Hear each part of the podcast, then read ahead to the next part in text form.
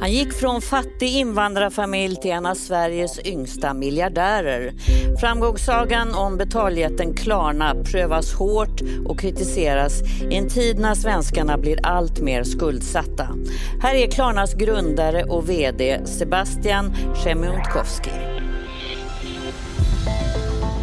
Sebastian Marcin Szemiątkowski, född 3 oktober 1981. Hans föräldrar kom till Sverige från Polen som ekonomiska och politiska flyktingar i början av 80-talet.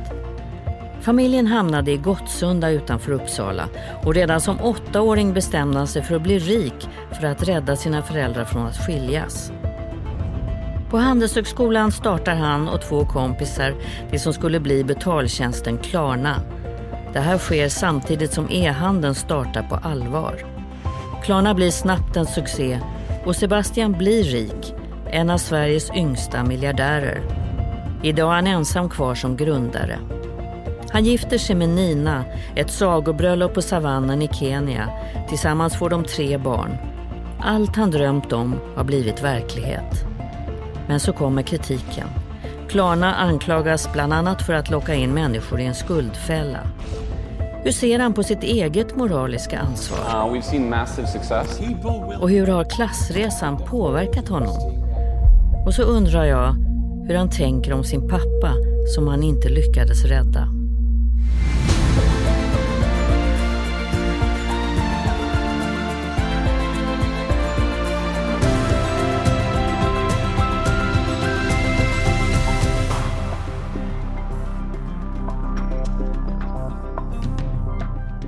Välkommen hit eh, Sebastian Siemiątkowski. Tack. Du, eh, min första fråga till dig är, vad är den största missuppfattningen om dig? Oj, svårt att veta. Jag vet inte om... Um, det, jag har nog svårt att relatera till liksom, vad är bilden av mig. Jag vet inte riktigt. Men du Eh. har väl hört och sett och fått olika fragment sådär som har nått dig? Ja, men jag kan säga att den största missuppfattningen som har frustrerat mig är när folk har ifrågasatt att jag har goda intentioner med det jag försöker göra. Ja, när jag blir porträtterad som att jag inte har goda intentioner. Att jag har gjort misstag och gjort saker fel. Det har jag alla gånger och jag har lärt mig otroligt mycket hittills i mitt liv. Men, men eh, frustrerad blir jag om någon försöker säga han vill inte väl. Mm. Och det är en missuppfattning? Ja absolut, därför att jag har verkligen eh, bra intentioner med det jag försöker göra. Sen har jag ju lärt mig och förändrat och insett att saker som jag gjort inte alltid var rätt. Men Var kommer det ifrån att människor, en del som når dig då, tror att du inte vill väl? jag vet inte, men det började ju i samband med att första gången som, alltså när, när Klarna började eh, växa och bli mer framgångsrikt och bli ett större företag så är det ju rimligt också att man att folk började ställa fler frågor, inte bara hylla framgångssagan utan också fråga vad vi gör och hur våra tjänster fungerar och vad det, får för, vad det finns för konsekvenser det vi håller på med. Ehm, och då förekom, på den tiden så var det ju en artikelserie av eh, Carolina Neurath i Svenska Dagbladet som fick ganska mycket uppmärksamhet. Det mer Innan det hade ni blivit hyllad som uppstickare och Precis. framgångssaga och Precis. allt möjligt. Ja. Ja, ehm, och det var väl första gången som folk började ställa tuffare frågor. Eh, Eh, och det var ju helt rätt och det gjorde ju Carolina väldigt bra. Eh, men någonstans i när det här trycket, mediatrycket blev väldigt kraftigt så började man se liksom hur narrativet ändrades från att så här, tuffa frågor om varför gör ni så här och hur har ni tänkt här och är inte det här ett misstag till att så här, ni vill ju inte väl. Det här, ni försöker lura folk, ni försöker göra dumma saker, elaka saker. Och då blev jag väldigt besviken och ledsen för det har jag absolut aldrig haft för avsikt. Och, så, och så var det ju en del, om du nu ändå tog upp den artikeln som, som du har fått bära med dig hela tiden och försökt, vad jag förstår, att, att rätta till. Och det var ju eh, en av dina grundarkollegor som sa, Niklas Adenbert, som sa att eh, den, den kund som inte betalar är den bästa kunden. Mm. Eh, för då, ja, då blir det påminnelser efter påminnelser efter påminnelser. Och det här har du fått svara på. Några gånger. Några men, och, men, och, men det är om ju du också... nu tar upp den där Ja. som du säger, du vill, ni vill inte väl eller du vill inte väl. Nej, men jag tror att det är så här, man får sätta det i sitt kontext. Liksom, att när vi startade Klarna så, så är det lite grann som att du skulle starta liksom, du vill börja tillverka bilar för du tycker bilar är väldigt spännande. Vi tyckte det här med finansbranschen och banktjänster och betalningar var väldigt spännande. Så vi ville starta det. När man startar en sån ny sak så kanske man inte tänker så mycket direkt på så här, vad är konsekvensen. För mm. man, man ser att det finns massa banker och andra företag som erbjuder liknande tjänster och så tänker man vi kan göra det bättre. Vi har, vi har en bättre idé om hur det här ska fungera. Och så, så gjorde vi det. Eh, och sen någonstans när vi sen då började liksom växa upp på något sätt som företag och som individer så började vi se att ja men vänta du, det finns ju faktiskt konsekvenser av det här. Till exempel kredit. Det finns mm. liksom en konsekvens av krediter. Precis som bilar leder till avgaser och har konsekvens på miljön så, så har våra produkter och tjänster en konsekvens på samhället. Och, och när man började få den insikten så insåg man att det är ju sant för bankerna, det är ju sant för alla som har tillhandahållit de här tjänsterna i hundratals år att det finns det och att det finns faktiskt en hel del ganska dåliga produkter och tjänster. Det finns mycket som har gjorts i det här området som inte är så schysst. Men om, och, man, då, om man tittar på ert företag då? Mm. För att vad man kan säga är ju att eh, ni gjorde det så enkelt mm. att handla på kredit eh, så att det blev normaliserat att sätta sig i skuld och alla klarade inte av det. Mm, jag skulle inte hålla med om den beskrivningen riktigt. Skulle du inte göra det? Nej. Alltså jag tror att vi, tittar man på liksom i, Sverige så har ju det här med att betala mot faktura funnits för alltid. Alltså när vi handlade på postorder på Ellos och Hallens förr i tiden så var det ju alltid på faktura. Mm. Poängen med det är ju ganska enkel. Det handlar egentligen inte om liksom krediten utan krediten i det här sammanhanget har ett syfte och det är att när man köper en vara som man ser en bild på internet så vill man som kund ha en trygghet att den där varan kommer faktiskt se ut och vara som den ser ut på bilden. Och Ska man då skicka pengar först och sen få varan mm. så har man inte den tryggheten. Vad händer om det inte stämmer? Vad händer om det blir fel? och Så vidare. Så att när det kommer till distanshandel eller som nu numera e-handel så, så har ju alltid idén om att kunna få det är en större ökad konsumenttrygghet att känna och ta på mm. varan när man betalar för. Men är det så att eh, människor som, eh, som kanske är mer sårbara för det här eh, lättare lockas in i det? Det finns absolut en sån. Alltså när, kredit är ju på så sätt ett känsligt ämne därför att det finns en risk att folk använder det för mycket. Mm. Så att det behöver man liksom hitta en balansgång mot. Men jag tror att liksom poängen någonstans var att när vi, för att koppla tillbaka till det här uttalandet av Niklas egentligen mm. med det här, så är ju det att när vi började inse att konsekvenserna av de här tjänsterna, produkterna, är inte alltid är positiva, ehm, så tyckte vi att det första vi i alla fall skulle göra, till skillnad mot banken och de som hade gjort det här i hundratals år, vi skulle i alla fall vara ärliga om det och prata om det och säga att så här är det faktiskt att i den här branschen så har det varit så att om en kund har betalat sen så har bankerna tjänat mer, mm. äh, inte mindre. Liksom. Och eh, vi ville vara ärliga på det. Så det är ju det sammanhanget som det här citatet kom upp. Att man liksom, vi ville, vårt första steg var att vara ärliga och faktiskt prata om det här och inte mm. hålla på och hymla som bankerna har gjort i hundratals år om hur krediter fungerar. Nej. Så det var liksom steg ett. Men sen började vi fundera på såklart, hur kan vi göra det bättre? Mm. Och, eh, och det var ju steg nummer två, då, att inte bara liksom se det för vad det är utan faktiskt försöka göra det bättre. Och bättre var att inte se till att en stor del av intäkterna kom från påminnelseavgifter. Var det en sån sak? Det var en sån sak. För det viktigt. såg ju inte bra ut för ert företag. Nej, precis. Och det var verkligen en sån, jag minns verkligen tydligt när jag satt där en dag och bara tittade. Oj, vad är det här för intäkt mm. som växer så här kraftigt? Och så insåg jag att det är påminnelseavgifter. Och då fattade ju jag direkt att det här är ju inte hållbart. Det här kommer inte fungera. Din historia är spännande för du har en eh, invandrarhistoria som är det här klassresan verkligen. Och, eh, jag tänker att det är spännande att prata om just i förhållande till mm. ekonomi också för eh, dina föräldrar kommer från Polen, kom från Polen och eh, hade drömmar. Akademiker och pappa ville bli läkare men lyckades inte med det. Och så kom de eh, båda till Sverige med sina drömmar som ekonomiska men också politiska. Mm. De flydde kommunismen i Polen. Mm.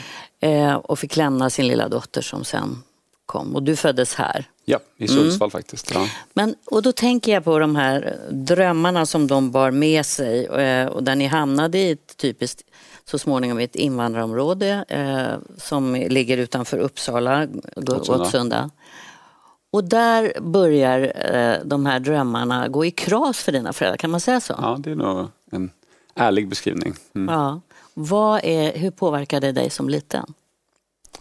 Nej, men det började ju egentligen alltså att vi, för det första så gick det ju liksom ganska bra mm. i den aspekten för mina föräldrar först. Så pappa fick ju ett jobb på Sveriges lantbruksuniversitet och blev agronom och liksom så här, så att vi flyttade då från fortfarande vad som tyvärr än idag är ett av de tuffaste bostadshusen i, i Gottsunda till liksom flyttade till lite bättre lägenhet och så till lite bättre och till slut hamnade vi till och med i ett litet radhus mm. och liksom hade en bil och, och sådär så att vi liksom, det, det var ju annat. Um, På man, väg liksom? Ja precis, det, liksom, det blev lite bättre men sen Sen så eh, tyvärr då så fungerar inte mina föräldrars relation så att de väljer att skilja sig när jag är åtta. Mm. Uh, och uh, i samma veva som det så väljer pappa liksom att nej men han ska inte vara kvar på uh, SLU då.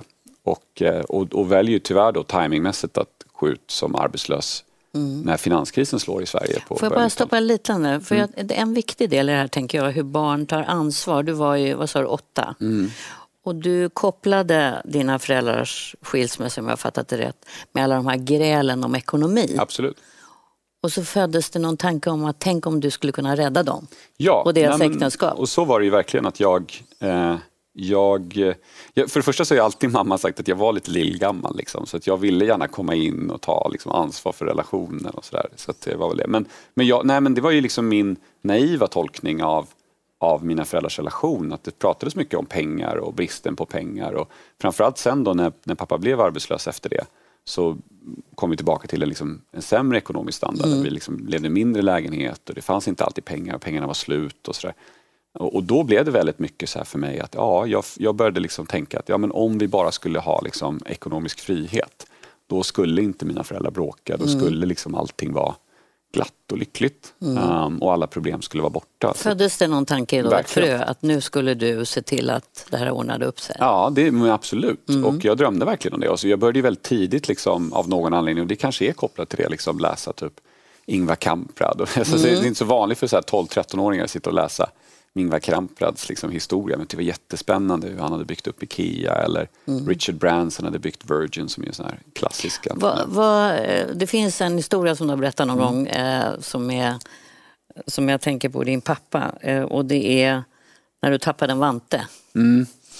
Vad gjorde han då? Vad sa han? Nej men det var ju just det här att pappa liksom Pappa, eh, ja, men för det första så har jag liksom, jag är väl lite liksom lite ADHD-dragningar i att liksom svårt att vara koncentrerad och sådär så att jag tappade bort väldigt mycket grejer och, eh, och eh, min eh, pappa var väldigt frustrerad över att saker försvann hela tiden och var tvungen att köpa nya. Så då sa han ju liksom att, att ja, men nu måste du ha koll på dina vantar och så här. Då sa jag till honom så här, nej men jag, jag, jag, jag, kommer inte liksom, jag kommer aldrig bli noggrann med mina saker utan istället så ska jag ha så mycket pengar så att jag inte behöver bry mig. Liksom. Jag köper hur många vantar som helst. Exakt, jag köper hur många vantar Vilket du kan idag. Vilket jag faktiskt kan idag, mm. ja, eller i alla fall ganska många i alla fall, mm. kanske inte obegränsat. Men, nej, men så att, ehm, Vad svarade han? Nej men då sa pappa, så blir rik blir du aldrig. Så. Nej. Mm. Och det blev ju lite av en liksom så här, jag ska visa att det går. Visa. För du ja. har ju eh, många sådana saker som jag ser det är min tolkning, i ditt liv, eh, revansch. Mm.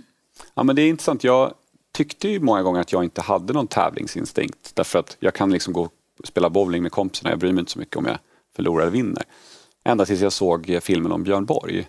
Mm. Och i den så finns det en fantastisk scen när han pratar med sin coach och så vänder sig coachen till honom och säger Du Björn, det är inte som för de andra för dig. Det är på liv och död för dig.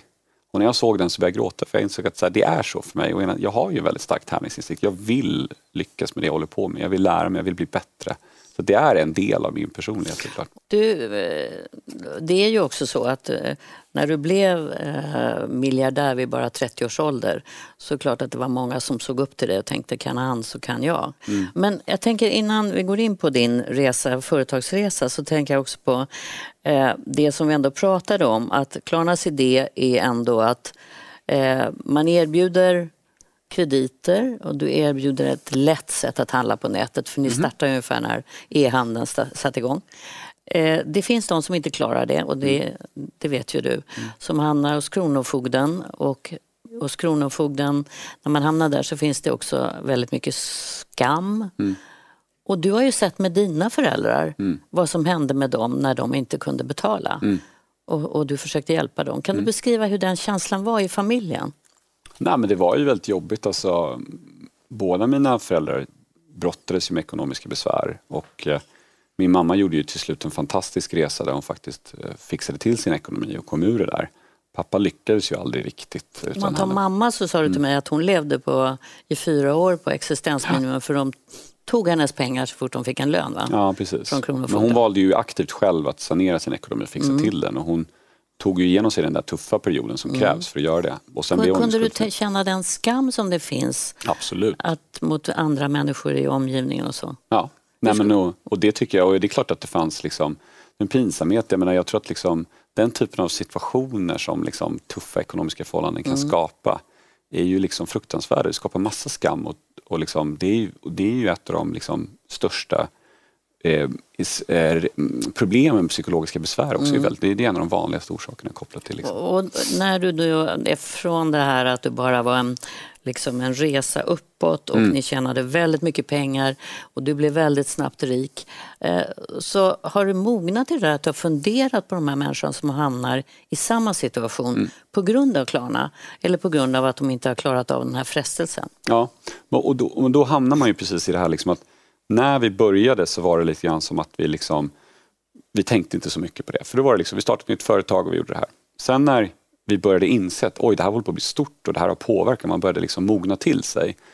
Då hade jag ju två val. Och det valet, det ena var ju så här, ja men det här var inget bra så nu säljer jag eller lämnar eller slutar eller gör någonting annat. Eller så tänkte jag så här, ja men jag, krediter har alltid funnits, de kommer att finnas. De har också ett syfte i samhället, det är många som tycker att det finns liksom ett syfte för dem. Precis som bilar finns. Bilar har massa negativa effekter mm. men det finns också positiva effekter med dem. Och, eh, och då, fick jag, då var det för mig snarare så att då, så här, men då vill jag försöka göra det bättre. Mm. Jag vill försöka göra det här på ett sätt så att det faktiskt blir bättre för folk. Ett poddtips från Podplay. I fallen jag aldrig glömmer djupdyker Hasse Aro i arbetet bakom några av Sveriges mest uppseendeväckande brottsutredningar går vi in med hemlig telefonavlyssning och, och då upplever vi att vi får en total förändring av hans beteende. Vad är det som händer nu? Vem är det som läcker? Och så säger han att jag är kriminell, jag har varit kriminell i hela mitt liv men att mörda ett barn, där går min gräns. Nya säsongen av Fallen jag aldrig glömmer på Podplay.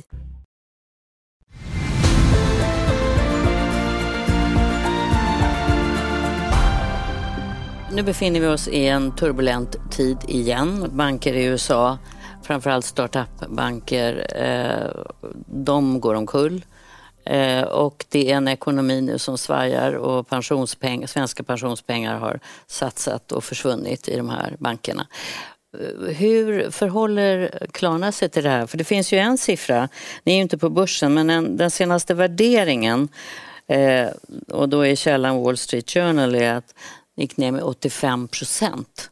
Och, eh, och då kan man säga att då omsatte Klarna den, den siffran jag har, 13 miljarder och kreditförlusterna var 5,7 miljarder.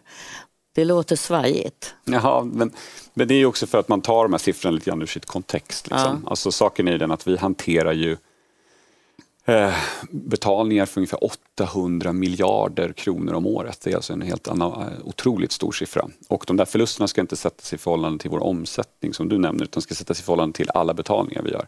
Våra kreditförluster är alltså 0, alltså mindre än 1 procent på totala volymen. Så du menar att det går bra? Nej, men alltså, det som hände nu mer eh, var ju att redan för ett år sedan, eller ja, ungefär ett år sedan, så började investerarna säga så här, nej men den där framtidsvisionen den är spännande men vi vill se resultat här och nu. Vi vill se större stabilitet. Och då började man liksom dra åt eh, svängremmen lite grann mot mm. företag.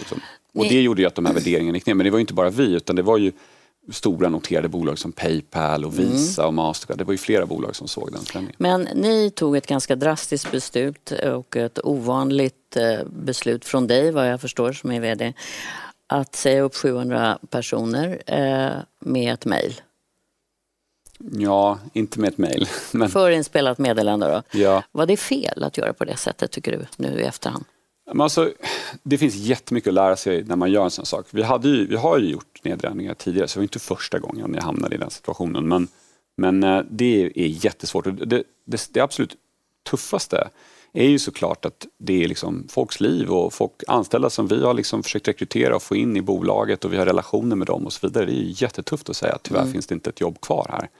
Eh, sen var det i det här fallet inte så att vi sa upp folk utan vi erbjöd dem eh, ett erbjudande om att sluta. Så att vi har inte officiellt gjort en, liksom, eh, en uppsägning på det sättet. Men, sagt, Men det här, låg ett papper där och så får man skriva här har du en möjlighet det. att få sluta och, och, så får du 12 månaders facket, ersättning. vänta nu, det är mycket bättre att prata med facket Ja. först. Och vilket är rimligt, det tycker jag ju folk Ja. kan göra. Men, men, men det som händer rent tekniskt också, varför det är så här, jag, jag förstår ju den här kritiken mot själv förinspelat Mm. videomeddelande och så vidare, men bara för att ge liksom utmaningen så är det så här, vi har ju, vi hade då någonstans 7000 anställda utspridda över hela världen, på, över liksom 50 kontor, massa olika tidszoner.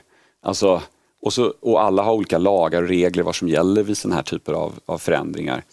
Och så försöker vi då dels se till att alla får ett, ett meddelande. Jag, jag hade ju önskat att jag kunde vara närvarande fysiskt i alla de här mötena men det blir liksom praktiskt omöjligt och så försöker man hitta ett sätt att ändå kunna sätta och ge folk det här meddelandet på ett så bra sätt man kan. Men det, det svåra med den här typen av situationer också att det finns liksom inget bra sätt att göra det på. Det finns bara dåliga sätt och ännu dåligare sätt. Liksom. Så att man försöker göra så gott man kan och sen är det klart att vi inser att vissa saker gick snett och vi kunde ha gjort det mycket bättre. Eh, jag tänker också på eh, en historia som är där du har varit väldigt öppen och ärlig och det hänger ihop med eh, dina föräldrar. Du sa att din mamma hon klarade av att ta sig ur sin skuldfälla helt enkelt. Och eh, din pappa gjorde inte det. Och istället så fick du se hur han började dricka.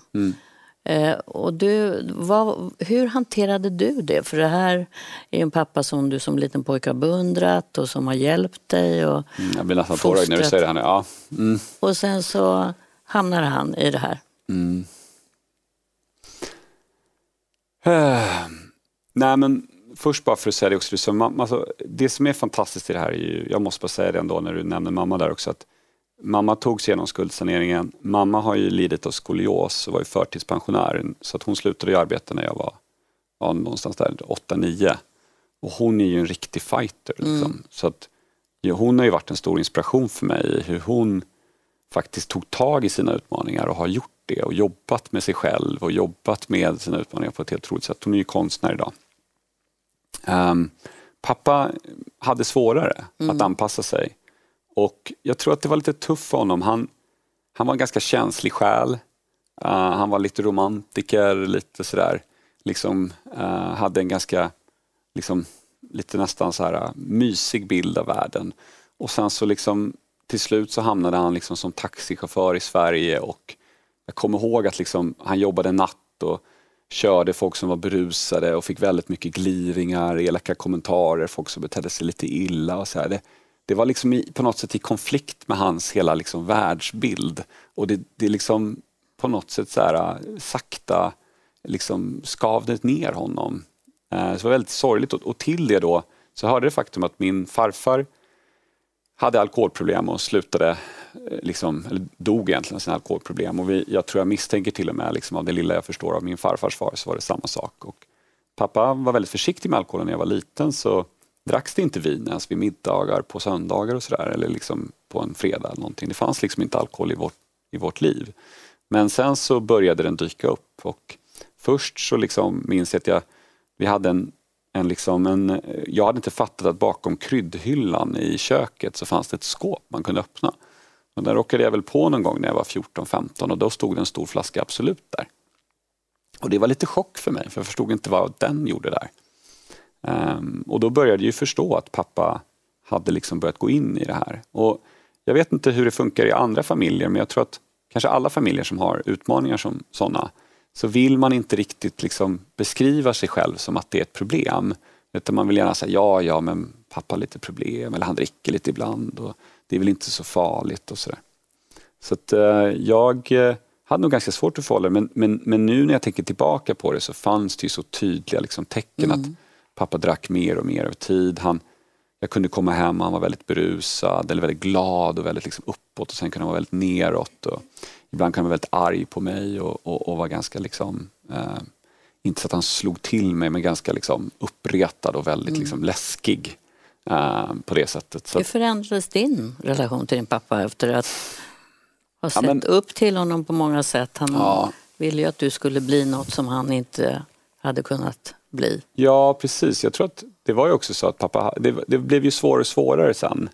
uh, ju längre det här gick. Um, och någonstans så slutade, alltså dessutom när jag då började få det bättre ekonomiskt ställt och till slut faktiskt blev ekonomiskt oberoende. Mm. Då hamnade jag i den här situationen som jag hade drömt om. Att nu skulle jag... Rädda dina föräldrar. Precis, så jag kommer ihåg hur jag liksom bjöd in dem eh, till, eh, jag träffade mamma, pappa och min syster i ett tillfälle i Uppsala och så sa jag så här, nu, är det liksom, nu har jag klarat mig så här långt så att ehm, här får ni en stor summa pengar, var och en av er. Liksom. Ehm, och jag tyckte så här, nu, nu är vi där, liksom. nu ska vi njuta. Nu flyttar vi ihop igen. Ja, nu ska det liksom bli lyckligt. Liksom. Ja, men så blev det ju inte. Ehm, och framförallt inte kanske för pappa som snarare, jag vet inte exakt var de där pengarna tog vägen i slutändan, men de försvann. Och, eh, och snarare så märkte jag ju tyvärr till slut började hamna i en situation där pappa kan inte hörde av sig till mig på väldigt långa perioder och sen hörde han av sig och var väldigt gullig och trevlig. Och så slutade det samtalet i, du, kan du skicka lite pengar? Och om jag då valde att göra det så var det tyst sen och sen fick jag kanske mitt på natten ett jättelångt sms med väldigt sorgliga saker. Ehm, Och, och liksom påhopp på mig och min person. Och, liksom sådär. och då insåg jag ju någonstans att det var ju kanske då någon slags skuldkänsla över att han var beroende av mig. Att det var, liksom, det var så, för honom så otroligt, komma från den här polska bakgrunden med tydliga liksom, generationshierarkier och allting annat och så helt plötsligt så var han liksom beroende av mig för att kunna få Och fick stå på sina knän och be om pengar. Ja, precis. Och, det, och det, det där tror jag liksom, det var också väldigt tufft för honom. Men samtidigt, så här, hur ska jag ta mig ur den situationen? Liksom? Alltså, så det, jag hamnade i ett medberoende, en medberoende situation egentligen. Men det är också så att du inte förstår att du själv, trots att du levde ett helt annat liv, inte Ja. var ingen misär någonstans, eh, så hamnar ju du i det här också. Ja, men verkligen. Och jag borde egentligen ha förstått det, tycker man ju. Men jag har ju verkligen lärt mig och förstått så mycket om alkohol och missbruk eh, över tid. Men, men jag, eh, när jag började plugga eh, i Stockholm på Handelshögskolan så var det ju mycket, liksom, nu var det fest och studentliv och sådär. Eh, men jag var ju lite mer berusad än alla andra och eh, jag hade minnesluckor. Jag hade tidiga signaler som jag idag förstår liksom, var kopplade till det här. Jag kunde inte hantera spriten lika bra som kompisarna. Vilket du Nej. trodde att du kunde. Vilket jag trodde att jag kunde. Jag var helt övertygad om att jag var helt fine. Liksom. Så att, samtidigt som jag såg min pappa gå in i den här situationen så tyckte jag att ja, men jag har ju inga problem. Det, är- det där är ju liksom min far som, som är det. Men det är ju uppenbart att jag var på väg åt samma håll. Så att, ja. Du har sagt, vet jag, att det var din hustru Mm. Nina som räddade ditt liv på många sätt. Ja, ja men det gjorde hon faktiskt. Alltså, hon kom, det kom ju till en situation till slut där hon säger till mig att Nej, men nu är jag inte tillsammans med dig om du fortsätter så här. Och, eh, Förstod du vad hon menade? Nej, jag tycker, alltså, det där är så intressant. Jag har på, efter det fått en så himla respekt för det man lite slarvigt kallar för reptilhjärnan. Att vår hjärna egentligen består nästan av två lager. Vi har ett undermedvetet jag och ett medvetet jag. Och det där undermedvetna är så mycket listigare än vad vi egentligen förstår. Så att när jag var där och då så gjorde, slutade jag bara dricka på grund av att jag ville vara tillsammans med Nina. Jag älskade henne så himla mycket. Det var så viktigt för mig. Så det var det, men hade du frågat mig så här, har du problem med alkohol? Då hade jag sagt så här, ja nej men, jo, men det har jag, hade jag sagt pliktskyldigt. Men inuti så fanns det en röst som sa, äh, så himla farligt är det inte. Alltså, så här. Och då hade jag ju förmånen att få gå, jag gick hos en alkoholläkare och då sa han till mig, så här, vet du vad, att det finns forskning nu som visar att dina hjärnbanor fysiskt är förändrade som en konsekvens av beroendet. Och det tar ungefär ett år för det där att läka ut. Och det konstiga var då att precis efter att jag hade varit helt nykter i ett år så var det som att någon liksom skruvade om någonting i mitt huvud. För det är väldigt märkligt och svårt att förklara. Men helt plötsligt så var det bara så här, shit, det hade gått åt skogen för mig.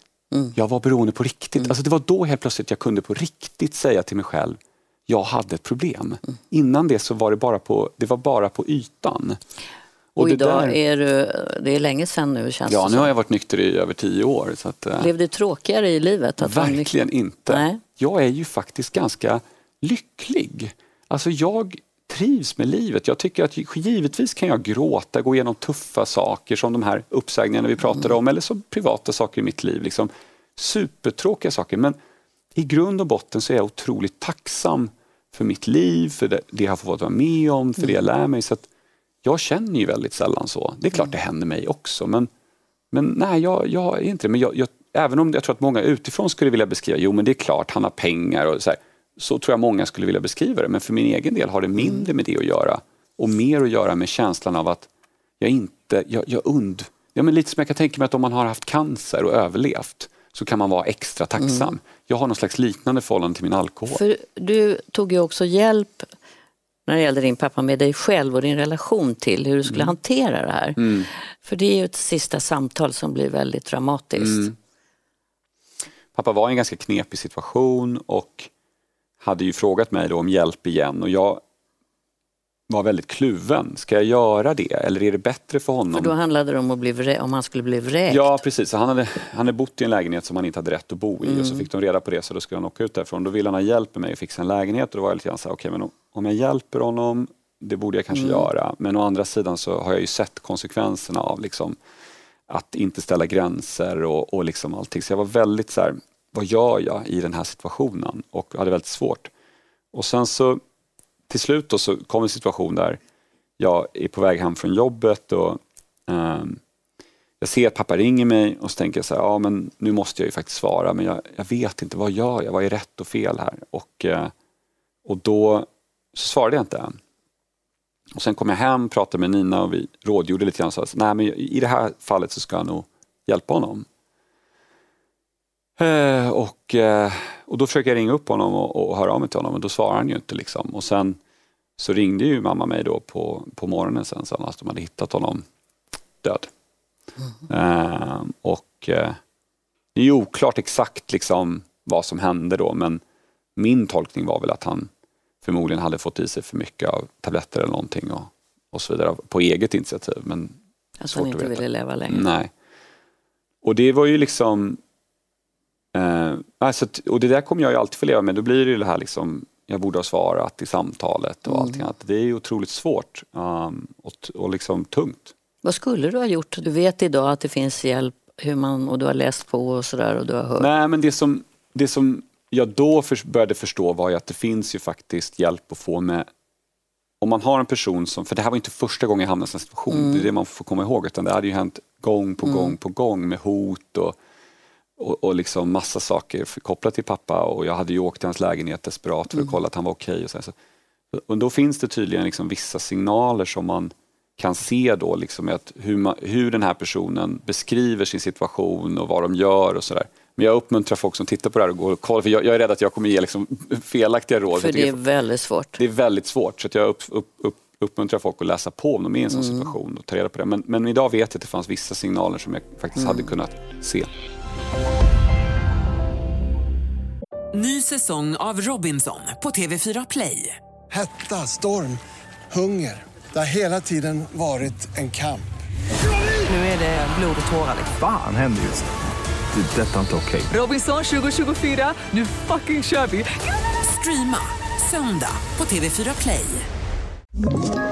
Ett poddtips från Podplay. I fallen jag aldrig glömmer djupdyker Hasse Aro i arbetet bakom några av Sveriges mest uppseendeväckande brottsutredningar. Går vi in med hemlig telefonavlyssning och, och då upplever vi att vi får en total förändring av hans beteende. Vad är det som händer nu? Vem är det som läcker? Och så säger han att jag är kriminell, jag har varit kriminell i hela mitt liv men att mörda ett barn, där går min gräns. Nya säsongen av Fallen jag aldrig glömmer på Podplay.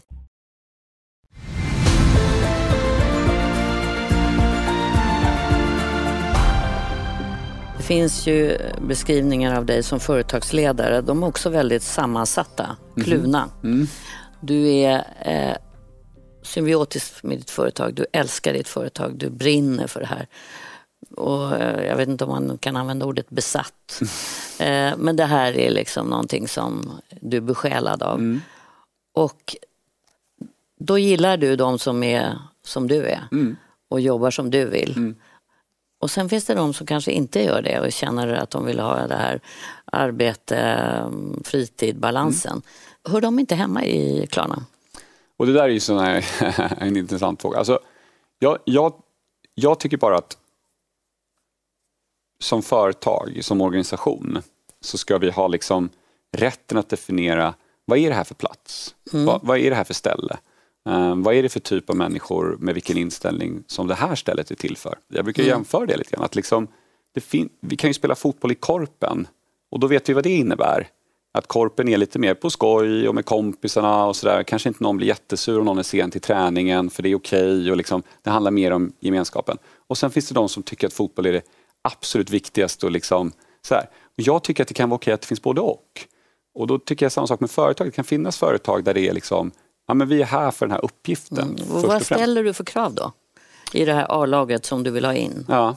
Nej, men jag försöker ju framförallt ska jag säga att krav är en fråga, men framförallt så vill jag att det ska vara så himla tydligt som möjligt. Mm. Så det första jag försöker säga är berätta för folk att så här, hörni, det här är liksom allsvenskan. Det, vi, vi, Och vad betyder det? Att man jobbar alla tider på dygnet Nej, absolut inte. Det är inte mycket som är arbetstid, men det är just det att liksom, ja, här, Inställning. ja, inställningen. Det är här, Mm. det här är, vi vill här för att vi vill flytta berg, vi vill göra någonting stort, vi vill förändra någonting.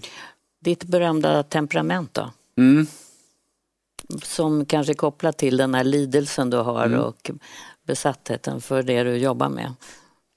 Ja men alltså problemet är ju det att jag, jag bryr mig fruktansvärt mycket. Och, och där någonstans så, så är det ju så att om jag får höra att en kund till oss har fått en dålig upplevelse eller saker inte har blivit bra, att kunder är missnöjda eller någonting annat, då, eh, då får jag jobba lite grann med att hålla känslorna i styr ibland. För jag kan bli väldigt För upprörd. det har du jobbat med. Absolut. Jag har ju gått hos psykolog i många år, gått på KBT, uh, jobbat med mig själv. Så hur gör du då? Knyter handen i fickan? Nej, men framförallt det som jag tycker är kanske viktigast idag, det är att jag måste vara väldigt vaksam på vem är i rummet. Om man tittar på min ledningsgrupp som känner mig mycket väl, som, som jobbar med mig dagligen och så vidare, så kan jag ju få tillåta mig själv att vara mig själv i större utsträckning. De vet att så, här, så där är han, det går upp och ner och sådär. Så att då Och kan han bli lite sur eller lite arg. Okej, var dig själv, är det att du kan få sådana där utbrott? När du Ja, men, jo, men det låter som när du säger det, som att jag liksom står och skriker. Det gör jag inte. Men, men däremot så kan jag bli upprörd, jag kan bli ganska irriterad. Och det, de, de känner mig. Liksom. Går du över gränsen, ber du om ursäkt då? Absolut, det måste man göra. Det är superviktigt. Uh, sen får man också, men, men däremot så är det klart att om jag, liksom, om jag sitter och pratar med en kundtjänstmedarbetare och så förstår jag att här har vi gjort ett riktigt dåligt jobb. Ja, men då, måste jag, då kan jag lägga band på mig själv. Då, jag, då är det inte tillåtet att, att uttrycka mina känslor på samma sätt. Utan då får man ju liksom säga, ja, det här var inte så bra. Och så får man gå därifrån. Liksom, För att det finns ett annat förhållande mellan mig och den individen. Du, det finns ju en framtid också hemma med dina barn. Och eh, de har ju växt upp helt annorlunda än vad du har gjort. Och ni kan åka på semestrar och de kan få vad de vill. Hur ska du få dina barn att inte ta allting för givet? Oj, det grubblar jag mycket på. Så tre barn är fortfarande ganska små. Ja, precis. Ja, de är ju fem, sju och nio. Ehm, nej, men jag, funderar, jag och Nina funderar väldigt mycket på det tillsammans. Eh, det är svårt. Ehm, Många studsade när du sa att de ska inte få ärva några pengar. ja. nej, men För jag, att du vill hjälpa dem att få en, vadå? Nej, men därför att jag tror någonstans att, och det kommer tillbaka till mycket av mina upplevelser i livet just där, när sätter man gränser, när är hjälpa att skälpa? Hur hittar jag en situation, en livssituation för mina barn, där de ändå får lära sig att de faktiskt kan stå på egna ben, att Så de vad får en svarar du dem? Du har givit bort alla dina miljarder och så står de där och, och anklagar dig för vad, hur kunde du? Ja, men, och det är återigen, så här, jag vill inte... Jag, jag, jag är alltid rädd att folk ska liksom misstolka det här som att jag tror att det här liksom gäller alla människor. Jag, har ingen åsikt om vad andra människor gör, jag har ingen åsikt om hur samhället förhåller sig till bidrag, inte bidrag, stjälpa, hjälpa. Så det finns, eller jag kan ha liksom tankar kring det men, men, men det är liksom en annan grej. Nu pratar jag bara om mina barn. Jag vill hjälpa mina barn att bli så lyckliga i livet som möjligt. Och jag tror att lycka nås delvis, inte bara, men genom att bygga ett självförtroende och en självkänsla att jag kan reda mig själv. Och den styrkan som kommer av det, att jag kan själv, är otroligt viktig för att vara lycklig i livet. Kanske dina barn också slarvar bort vantar och säger Ja. jag kan köpa hur många vantar jag vill när jag blir stor. En fråga som jag faktiskt har glömt att ställa som jag har gått och funderat på eh, när du är så ekonomiskt oberoende eh, som du är. Varför eh, sänkte inte du din lön när du sparkade så mycket folk? Det hade ju du haft råd med. Ja, alltså nu är det inte jag som sätter min lön utan det är styrelsen. Ja, fast du har väl ett visst inflytande ändå. Eh, Jag kan ha en åsikt i frågan. Ja, absolut. det kan du. Ja. Eh, Och den här eh, som har rapporterats om, den, den lönen sattes ju i januari förra året, så det var Mm. långt innan det här skedde. Men, nej men alltså, någonstans så, det finns flera aspekter av det där, men, men man kan väl säga också att det som var viktigt för mig var ju att på Klarna insåg att vi, vi hade investerat för mycket. Vi hade för många projekt på gång, för många nya saker vi ville göra. Och vi eh, bestämde att vi skulle inte göra så många nya saker och att investerarna inte längre ville backa oss i att göra så många nya saker. Det var inte så att vi så tog ett beslut om att generellt i bolaget så ska vi ha lägre löner. Eh, utan vi försöker ha löner som är konkurrenskraftiga Fast för alla nu, anställda. Min fråga var ju, jag tycker inte riktigt svara på frågan. Det, var en subo, det skulle ju kunna varit precis som de här amerikanska väldigt rika företagsledarna gjorde, en symbolfråga och en, eh, lite grann solidaritet med de som förlorar sina jobb. Ja, Men hade inte det varit väldigt eh, enkelt för dig att göra? Eh, jo, ja, alltså ska vi vara helt ärliga också så är det lite grann så att det här har varit en enorm intensiv period. Det där beslutet fattades liksom månader innan det hände. Så att, eh, jag får väl ta och tänka på det här en gång till. Men, men eh, jag har liksom, eh, då och där i alla fall så, så var det så vi resonerade. Det, tog, det beslutet fattades långt innan och jag har faktiskt inte reflekterat över För det. du har ju gjort sådana saker tidigare menar jag. Mm. Att du har stannat upp, det här blev inte så bra, Mm. reflekterat och gjort om. Så nu kommer du sen, kanske... Ja, jag ska fundera på det. Ja, men det det är klart man tar sig en ordentlig funderare på, Ja. blev det där bra eller dåligt? Liksom? Alltså, och jag tror att det är så här, för mig, jag hoppas ändå att folk ska titta på oss och säga så här, okej, de har inte alltid gjort allting rätt. Men det vi uppskattar med dem, och det tror jag man tittar på så här förtroendebarometern i Sverige, så ligger vi ju över alla, Handelsbanken, SEB, Nordea allihopa. Vi har ju ett förtroende i folket som faktiskt är oslagbart. Vi ligger ju på, på liksom nivå med Ikea, Volvo och den typen av företag. Så att jag hoppas ändå att folk över tid ser Och att en så sån här sak hade ju varit förtroendeskapande. Ja, det tror jag faktiskt. Det är klart att det hade varit det. Så jag tror att någonstans så här, att, att, att vara ändå så här öppen för att så här, kunna sitta här med dig nu och inse att så här, ja, shit, jag kanske måste ta en funderare till på det. Du, eh, är det någonting som du tycker att jag har missat? um.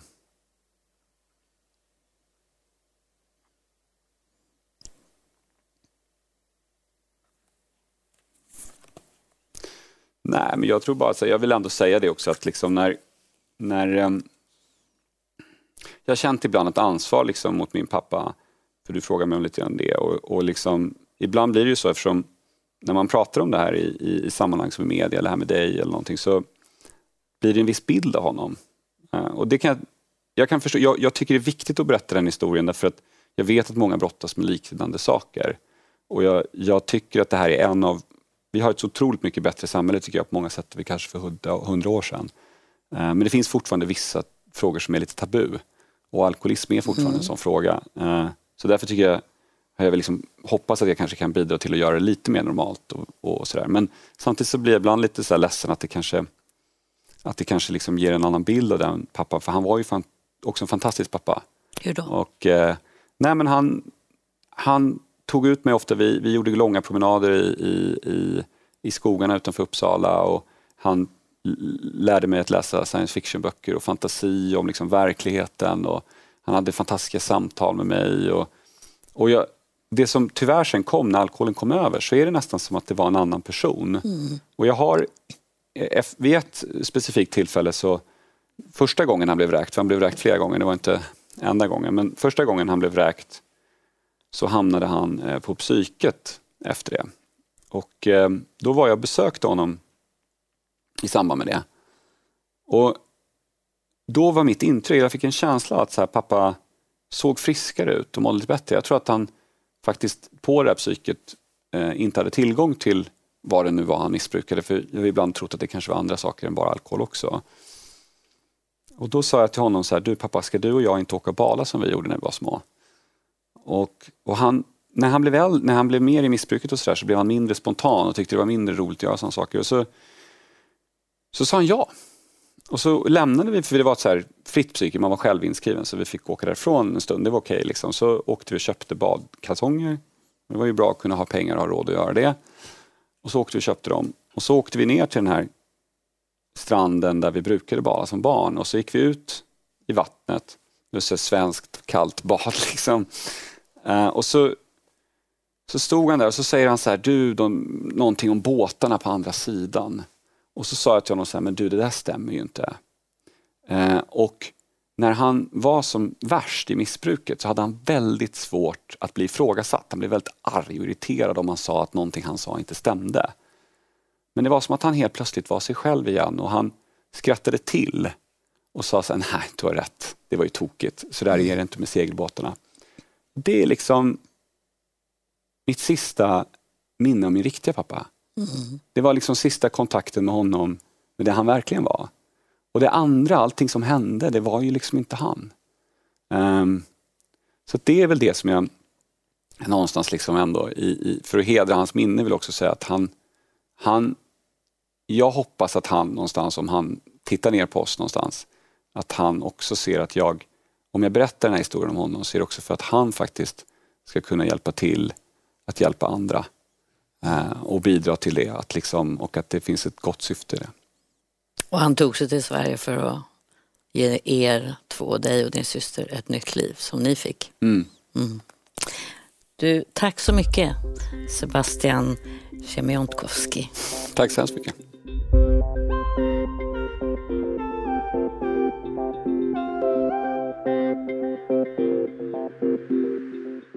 Ett poddtips från Podplay. I podden Något Kaiko garanterar östgötarna Brutti och jag, Davva, dig en stor dos skratt. Där följer jag pladask för köttätandet igen. Man är lite som en jävla vampyr. Man har fått lite blodsmak och då måste man ha mer. Udda spaningar, fängslande anekdoter och en och annan arg rant. Jag måste ha mitt kaffe på morgonen för annars är jag ingen trevlig människa. Då är du ingen trevlig människa, punkt. Något Kaiko, hör du på Podplay. Därför är gardinerna.